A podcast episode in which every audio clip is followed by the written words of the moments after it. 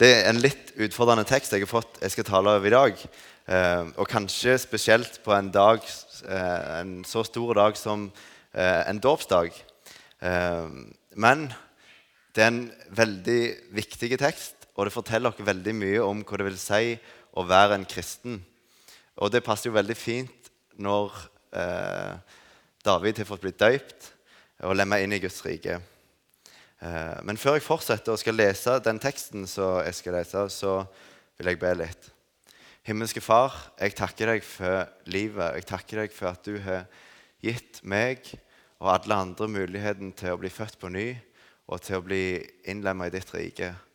Jeg takker deg for at du tok imot David i dag. Jeg takker deg for familien hans, og jeg legger deg i din hånd. Jeg ber om at du må være med oss i dag, at du må forklare ditt ord for oss, at du må tale gjennom meg. Du ser at jeg er kun et redskap, og jeg er helt avhengig av at du åpenbarer ditt ord eh, gjennom meg. Så ser du teksten som jeg skal snakke om i dag, som er litt vanskelig.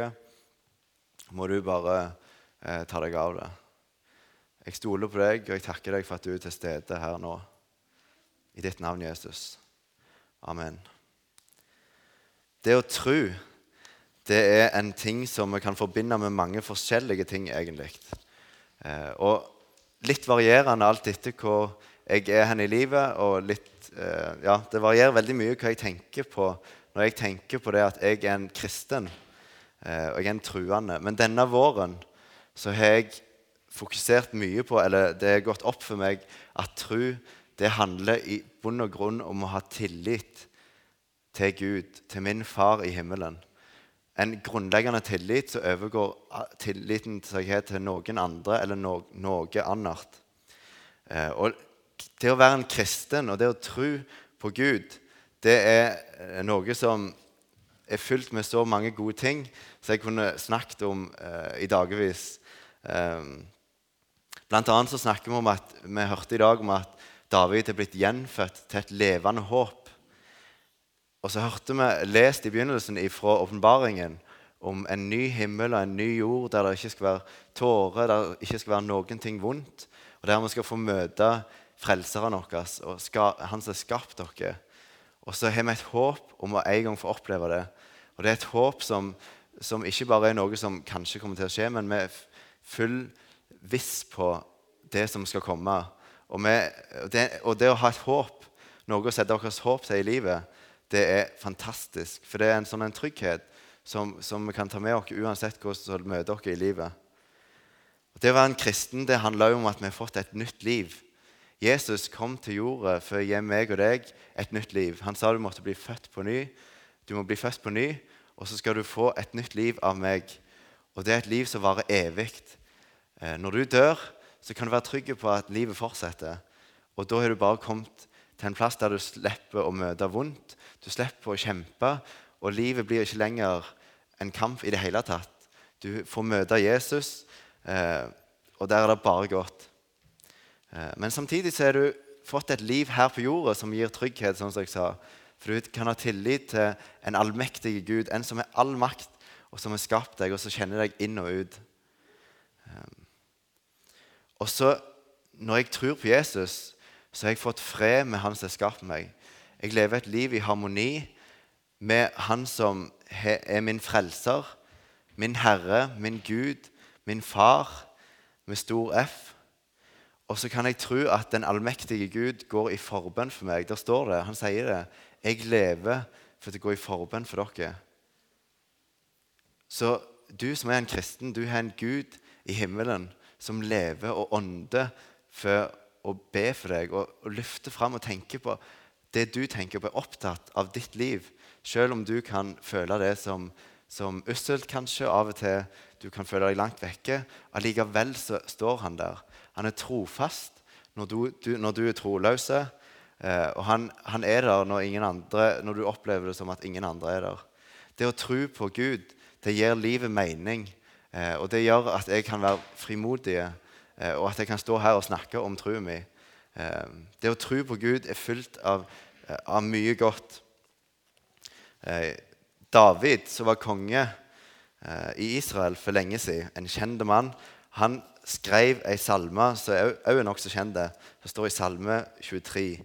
Herren er min hyrde, det mangler meg ingenting. Han lar meg ligge i grønne enger, han leder meg til hvilens vann. Han styrker min sjel, han fører meg på rettferdighetsstier for sitt navns skyld. Om jeg enn skulle vandre i dødsskyggens dal, frykter jeg ikke for vondt. For du er med meg, din kjepp og din stav, de trøster meg. Du dekker bord for meg, like for mine fienders øyne. Og du salver mitt hode med olje, og mitt beger flyter over. Bare godhet og miskunnhet skal etterjage meg alle mitt livs dager, og jeg skal bo i Herrens hus gjennom lange tider. Dette er noe som er sant for David, som er blitt døypt i dag, og for oss som tror på han. Og Det er godt og det er kjekt å snakke om. Og som sagt så kunne jeg sagt veldig, veldig mye om det nå. Men så kommer Jesus og gir meg en tekst som virker til å si noe som er helt motsatt av det som jeg nå har snakket om, som er så godt med det å tro på Gud. Jeg vet ikke om dere har opplevd det noen gang at noen sier noe, og så får dere med dere hva de sier, men så sier dere 'hæ' allikevel. Og så når de sier det på nytt igjen, så hører du at du fikk det jo med deg første gang, men du sa 'hæ' før du egentlig hadde tenkt deg om. Og kanskje spesielt sier du det hvis de sier noe som du ikke hadde venta de skulle si, og så tenker du 'kan det virkelig være det de sa'? Og så spør du på nytt igjen, og så hører du det var faktisk det de sa. Og litt sånn er det med denne teksten. Jesus, eh, det som Jesus sier her, det er litt sånn jeg må stoppe opp og tenke hva var det egentlig han sa? Eh, vi skal lese fra Matteus 16, fra vers 26. Da sa Jesus til sine disipler.: Om noen vil komme etter meg, da må han fornekte seg selv, ta sitt kors opp og følge meg. Men den som vil berge sitt liv, skal miste det. Men den som mister sitt liv for min skyld, skal finne det. For hva gagner det et menneske om han vinner hele verden, men tar skade på sin sjel? Eller hva kan et menneske gi i vederlag for sin sjel? Den som vil berge sitt liv, skal miste det, og den som mister sitt liv for min skyld, skal finne det. Det er noen ting med kristendommen som for min, med mine øyne virker som motsetninger. For eksempel har dere kanskje hørt at Jesus han er den som setter dere fri. Når vi blir kristne, så setter han dere i frihet. Men så etterpå så kan du høre i neste setning at det å være en kristen, det er å være bonden fast til Jesus. Og hvis jeg tenker på det, så høres ikke det ut som samme tingen. Å være knytta fast til noe og være fri, det høres for meg ut som to forskjellige ting. Hvis jeg kommer en plass der jeg ser en skummel hund, en svær hund som ser farlig ut, og den står bonden fast, så tenker jeg jeg er trygg, for den står bonden. Men hvis den ikke står bonden lenger, da kommer han fri, og da må jeg springe og gjemme meg. Sånn, det er liksom det som vi forbinder med det å være fri og bonden. Og så kommer Bibelen og så sier han, du, du er fri. Jesus kjøper deg fri, men du må binde deg fast til han. Og så høres det veldig løye ut. Og så sier Jesus at hvis du har lyst til å redde livet ditt, hvis du har lyst på et evig liv, så må du miste ditt eget liv. Og det, det høres veldig merkelig ut i mitt hode. Så jeg prøvd å tenke på hvordan kan jeg egentlig forklare dette på en, en god måte. Og det vet jeg egentlig ikke om jeg får til, men jeg skal prøve. Jeg, tenker på, jeg kommer fra Helleland, en gård på Helleland. Og Der er det ei elv som renner forbi. Og Av og til så blir den elva full av vann, eh, så da er det flaum. Og Vi har en båt som står langs elva. Og Den har vi bundet fast i et tre. Og når, sånn at når elva stiger, og båten begynner å, å, å flyte på vannet, og gjerne elva stiger så mye at båten står, tipper nedover for, det, for kjettingen er ikke lang nok til treet. Så står han fortsatt fast fram til elva er sunket igjen og båten ligger trygt igjen på land. Den måten å bindes fast på, det er den måten, eh, det å bli frigjort eh, mens du er bonden. Hunden som står bonden fast i et tau, den er ikke fri. Men båten som står bonden fast til treet, den blir frigjort ifra strømmen så hadde ført han videre ned og ut i havet, vi hadde mistet han. Båten står bundet fast i noe som ikke blir tatt av strømmen. Det å bli bundet fast til Jesus handler om å binde seg fast til noe som står uansett hva som skjer rundt dere. Om det er sterk strøm, eller om det er ingenting vann, nesten, så står vi fortsatt fast. Eh, og det, det, det, står for evig. En sånn en frihet, bundet fast til Jesus, er det det handler om. Men så sier Jesus at vi må fornekte oss sjøl, og det er da det begynner å bli litt vanskelig. Når vi må begynne å gi opp ting og tenke at vi må fornekte oss sjøl. Det er ikke noe lett å tenke på. Og så har jeg prøvd å tenke, Kan jeg komme på et eksempel? Jeg er litt sånn som å forstå ting med historier eller eksempler. Eh, så prøvde jeg å tenke på det. Så kom jeg på en historie som jeg hørte som er sann. Og det var tre venninner som var på tur. De var på fjelltur, og det var varmt. Og så skulle de bade, fant de ut. Og ei av de her venninnene hun var ikke noe flink til å svømme. Eh, så hun fant ut hun ville bare vasse og holde seg på grunna. Men så det vannet de var og bada i, det hadde ikke vært før. Og Der var det ganske grunt, og så plutselig ble det veldig brått stup. Eh, djupt. Veldig djupt. Hun, så hun gikk og svømte litt og prøvde seg litt fram. Og plutselig, før hun visste ordet av det, så hadde hun kommet ut der det var altfor djupt til at hun kunne føle seg trygg. Så begynte hun å kjenne etter, og så kjente hun at det var ikke noe å holde seg fast i. Og hun visste hun kunne ikke svømme veldig godt, så begynte hun å få panikk. Har dere opplevd det noen gang? Dere merker i vannet begynner å svelle litt vann i hendene, og, og, panikken begynner å gripe deg. Og Sånn ble det for hun. Hun begynte å stresse. Så måtte en av de andre venninnene som var veldig god svømmer, hun måtte ut og hjelpe og redde venninna på land. Men det som skjedde når, når den andre venninna kom og skulle redde den stakkars jenta som kjempa for livet, så tok den jenta i panikk fatt på denne venninnen som kom til, hjel for å hjelpe, og begynte å presse hun ned for å komme sjøl opp, for hun var jo i panikk. Og det endte med at nesten begge to eh, eh, strøk med, rett og slett. Pga. panikken gjorde at hun klarte ikke la seg redde inn til land av venninna si. Men det gikk godt til slutt, altså. Eh, og så er poenget med historien. Jeg har lært at hvis jeg kommer opp i en sånn situasjon, hvis jeg ser noen som sliter og holder på å drukne, og jeg skal ut og hjelpe dem, så er faktisk det jeg skal gjøre, er å slå dem sånn at de blir bevisstløse. For Hvis ikke så setter jeg mitt eget liv i fare, og sannsynligvis får jeg ikke redde dem i land. På grunn av at det ligger i oss at vi skal kjempe for alt det vi har. Og da klarer ikke du å tenke at hvis jeg driver og skutter ned den andre personen, så kommer ingen av oss i land. Så det du rett og slett må gjøre, det høres veldig brutalt ut, det er å slå den du skal hjelpe, bevisstløse, sånn at du kan legge, legge, deg på ryggen og svømme i land. Det høres veldig gale ut, men litt sånn er det med Jesus, Jesus må gjøre med meg når han vil redde meg i land. Hvis du ser for deg at du er i den situasjonen som denne jenta som er på, på, vannet og føler at du skal drukne Istedenfor at det er et vann, så er du i elva, sånn som hjemme. Du er midt på. Du kjenner at du, du vet du kan ikke svømme, du føler du synker, eh, og strømmen er sterk. Eh, og så trenger du å reddes. Og det vi mange ganger gjør, det er at vi ser at det kommer en båt flytende med mange mennesker oppi, så er det kjekt og gøy, og du tenker dette er redningen min. Og så hopper du på båten og er redda fra strømmen. Eller du finner deg en planke som du holder fast på, eh, og så tenker du nå er jeg redda. Eller du finner en redningsvest eller et eller annet som kommer flytende med elva. Og så tenker du at du er redda. Men så er problemet at det er bare, du blir lurt. På grunn av at om du kommer opp i båten og har det kjekt der For elverefting er jo kjekt. Men, men, det hjelper ikke når du nærmer deg stupet. For hvis du ser for deg at, kommer, at elva kommer til et fossefall, så om du sitter trygt oppi båten, så hjelper ikke det når, det når det fossefallet kommer. Da trenger du å bli bundet fast til noe på land eh, som holder, så ikke drar deg med strømmen. Selv om det kan være kjekt å være eh, i elva på refting. Og Så står Jesus der og så sier han at hvis du vil bli, hvis du vil bli redda eh, ifra strømmen og ifra drukna, så må du gi slipp på det som gir deg en midlertidig trygghet ifra drukninga. Og så må du gripe det tauet, eller gripe hånden min.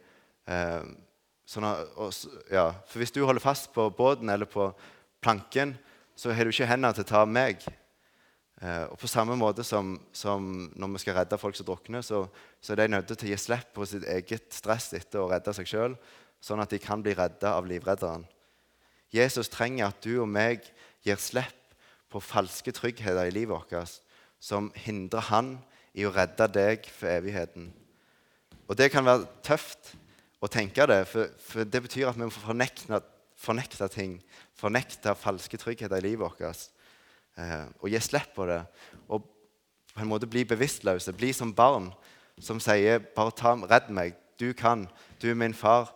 Du er den som kan bære meg inn i himmelen. Du er den som holder når strømmen er sterk. Eh, Jesus vi, vi hørte, og I sangen som vi sang, så sang vi om at, Jesus, at barna kom til Jesus.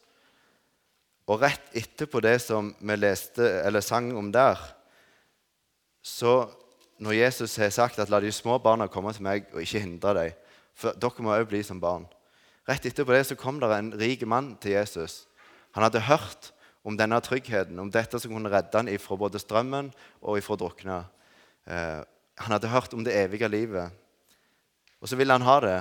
Så kom han til Jesus og sier, 'Hvordan kan jeg bli redda?' Jeg trenger å bli redda. Så sier Jesus at du må holde alle budene. Så sier den unge mannen, 'Det har jeg gjort helt siden jeg var liten.' Men så ser Jesus at denne mannen har noe han holder fast i, som gjør at han ikke kan gripe det evige livet, den tryggheten som Jesus kommer med. Han har noen penger som gir han en falsk trygghet, som binder han til å fortsatt være i strømmen som bare fører nedover fører mot fallet. Så sier Jesus en ting må du gjøre hvis du vil bli redda.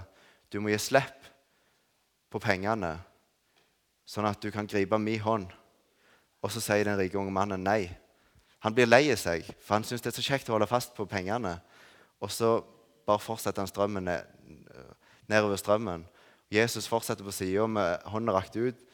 Vil du nå gi slipp? på pengene dine, på tryggheten din. Og Sånn står han til meg og deg i dag. Eh, uansett hva det måtte være som binder oss til falske tryggheter, så sier han, 'Vil du gi slipp?'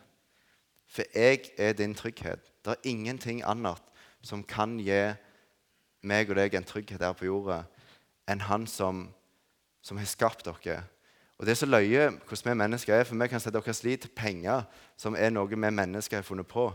Eller vi kan sette vår lit til det alle andre sier. Og det er jo bare mennesker som kom på det. Sånne typiske sannheter. Alle, alle, gjør jo det, så da må det jo være greit. Men det er jo bare mennesker. Det er ingenting som er tryggere enn å sette vår lit til han som har kommet på de menneskene, som kom på menneskene som kom på pengene igjen. Det er bare tåpelig. Vi trenger å stoppe opp og tenke hva er det som virkelig er verdt å satse livet vårt på. Så sier Jesus Videre det er vanskelig for en rik å komme inn i himmelen. For du holder så godt fast på pengene. Og her er vi rike, og jeg tror vi har en utfordring med det.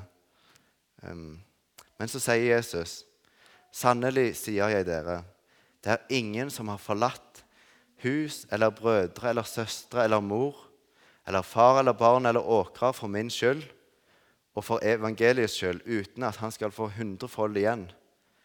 Her i tiden hus, brødre, søstre, mødre, barn og åkrer, sammen med forfølgelser, og i den kommende verden evig liv.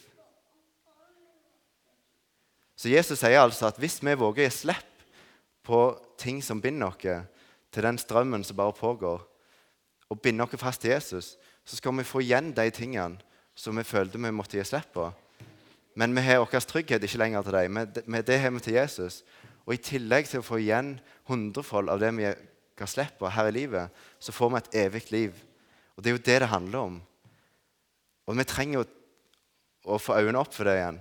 Nå er det sommer, og sommeren er fort sånn at det kan bli litt lite med, med Bibel og bønn. Men det vi trenger å gjøre, er å løfte våre øyne på Han som, som er vår redning og vår trygghet. For det er ingenting som er, gir oss en større frihet enn å knytte oss bedre og bedre fast til det treet som holder når strømmen er sterk. Eh, og det er min bønn at, at, David må få oppleve gjennom sitt liv at han stadig blir bare bundet sterkere fast til Jesus, og at han kan oppleve at ingenting eh, av penger eller noen ting andre ting vil binde han fast, så han ikke får gripe Jesus. Og så tror jeg jeg til slutt vil be eh, ei bønn. Og jeg vet sjøl hvor lett det er å gli vekk ifra Jesus eh, og den tryggen vi har i Han, og komme litt på avstand, kanskje, og, og trenge en ny start. Og bare få, få slippe, slippe, alt du har, og la Jesus få redde deg i land. Og kanskje det er noen som tenker at i dag så er jeg den personen som, som trenger å slutte å streve og gi slipp på noen ting, penger, eh, hva det måtte være. Um, og så la Jesus skrive, redde meg i land. Og, og, da kan du være med og be sammen med meg nå. Himmelske Far, du ser at jeg er et menneske som av en eller annen merkelig grunn har så lett for å stole på ting som bare er skapt eh, og lagd, og som er døde, og som ikke kan redde meg fra himmelen. Du ser at jeg så lett kommer vekk ifra deg, for djevelen står og prøver å fortelle meg at det ikke er så farlig. Det er jo kjekt i båten der det er liv. Men så står du på land og ser at det bærer, det bærer rett i fortapelsen hvis vi ikke lar oss redde av deg. Og så står du med åpne armer og vil redde. Og du, du, vil gjøre absolutt alt, og vi trenger bare å gjøre slipp på ting som binder oss. Jeg ber om at du nå må være med meg og hjelpe meg til å, å gi slipp på sånne ting som kan hindre meg i å leve mitt liv i frihet sammen med deg. Hjelp hver enkelt her inne til å knytte seg fast, og la, la det knytte seg fast eh, til seg eh, i, i, løpet av denne sommeren. Du ser at det er fort at sommeren blir ei tørketid, men jeg ber om at vi må la dere få stille dere åpne for deg, sånn at du kan bare knytte dere godt fast til deg. Du som er klippa, som ikke lar seg rokke enten det er storm eller flaum eller hva som måtte være.